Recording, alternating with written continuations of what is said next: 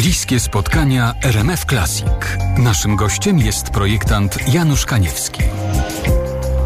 Wśród idoli zakochanego w autach projektanta najpierw byli polscy mistrzowie rysunku, panowie Grabiański, Kobyliński, Starowiejski, Świeży, Pongowski, a już we Włoszech po studiach w Instytucie Designu w Turynie Zawodowe życie Janusza Kaniewskiego zdominowało nazwisko Pininfarina.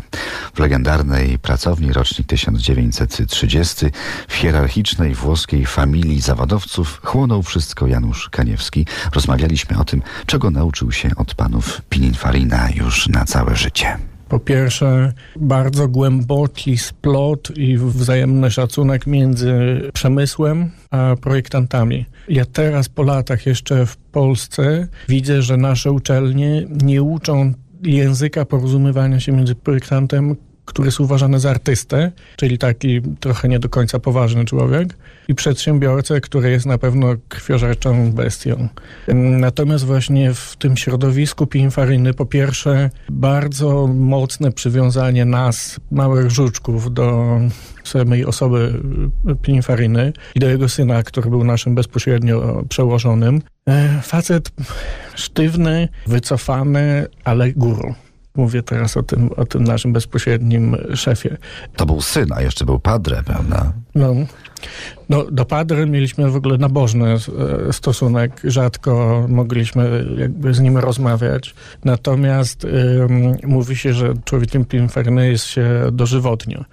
I szacunek do pracy. Szacunek do tego, żeby każdy rysunek podpisać i trzymać w szufladzie, bo czasem się wróci do tego tematu za 10 lat i jeżeli on był dobry, to on się nie zestarzał. Szacunek do takiej dobrze wykonanej roboty, że te nasze projekty miały być ponadczasowe można było do nich wracać po latach, bo one nie podążały za jakimiś tam modami, tylko jeżeli to jest pininfaryna, to można, to daje się rozpoznać, że to jest pininfaryna, że to jest konkretny styl, natomiast nie da się rozpoznać z jakiego to jest roku, bo to nie nawiązuje do niczego, co jest na rynku, tylko samo wyznacza standardy. I rzeczywiście jest tak, że no, z zachowaniem wszelkich proporcji, ale pewnego stylu, którego się tam nauczyłem, trzymam się konsekwentnie do tej pory. Są pewne kształty, których ja nie zrobię.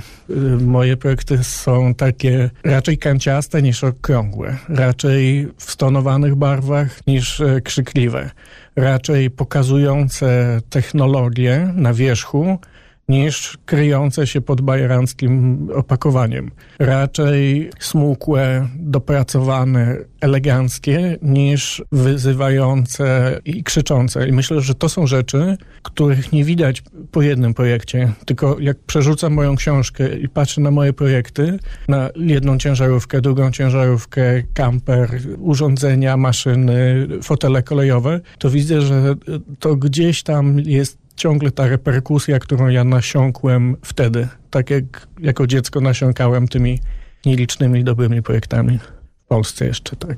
Janusz Kaniewski, designer, bohaterem bliskich spotkań RMF Classic. Wracamy za chwilę.